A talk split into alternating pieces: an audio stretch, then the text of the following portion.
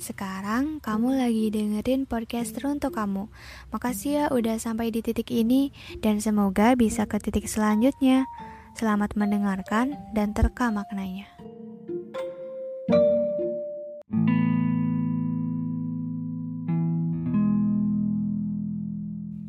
Pada hari Selasa, Pak Iqbal menelpon Ginta. Ia ingin Ginta ikut bersama teman-teman yang lain untuk pergi ke salah satu rumah teman Pak Iqbal yaitu Pak Rumi. Pak Rumi adalah penyair terkenal dunia sepanjang masa. Beliau adalah teman sekaligus gurunya Pak Iqbal. Tanpa jasa Pak Rumi, Pak Iqbal hari ini mungkin hanya jadi orang biasa. Karya-karya Pak Rumi sudah membumi sejak dari dulu.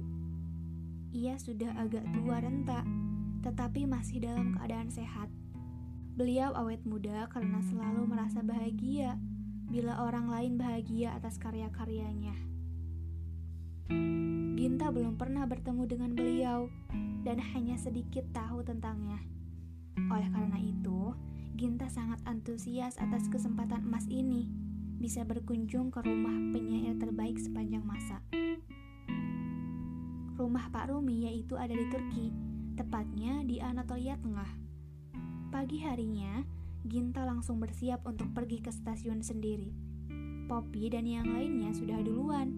Setibanya di sana, ternyata Pak Iqbal sudah duduk di kereta karena lama menunggu Ginta. Poppy langsung menyapa, Gin, lama banget sih kayak keong, lamban. Hmm, maaf ya semuanya. Eh, ada Bijun. Bijannya ke mana? Ginta tak sengaja bertanya seperti itu.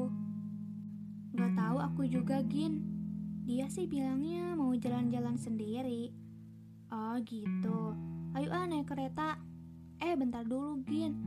Kamu dari awal kok nggak pakai kerudung sih? Lihat tuh Poppy sama Tere. Kan udah dari dulu pakai jilbab. Kamu juga harusnya pakai dong.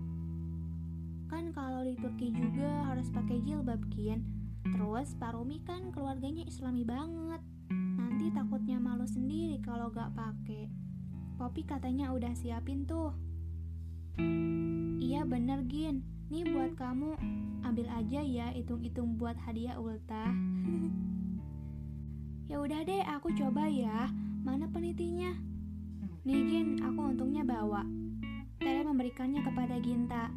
Ginta langsung memakai kerudungnya dan terlihat sangat cantik dibalut jaket kulit dan celana jeans yang longgar.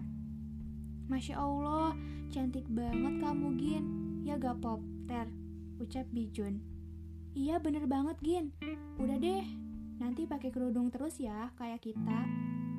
Really? Iya nanti aku coba ya, hehe. Ginta tidak segan untuk memakai kerudung karena memang ia pikir ini adalah salah satu bagian menjaga dirinya sendiri dan kelihatan seperti perempuan terhormat.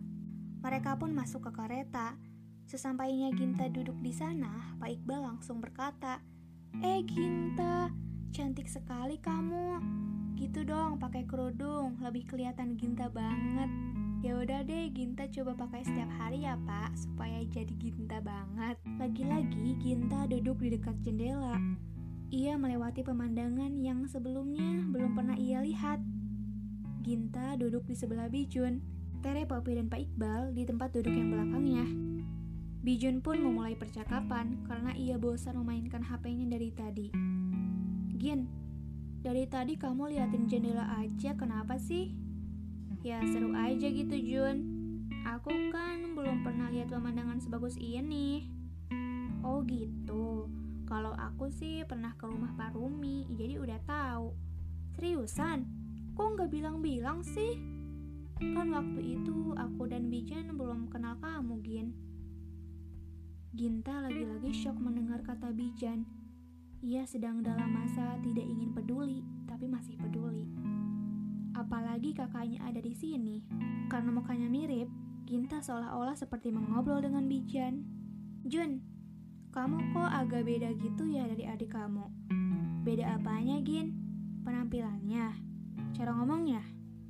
Ya seperti itulah. Ya kalau soal itu sih gak usah diperpanjang deh Gin. Toh Bijan masih dalam batas wajar. Jangan pernah lihat orang dari kayak gitunya ya, Gin. Kita kan gak tahu dia sedekat apa hubungannya sama Allah. Hmm, iya Jun.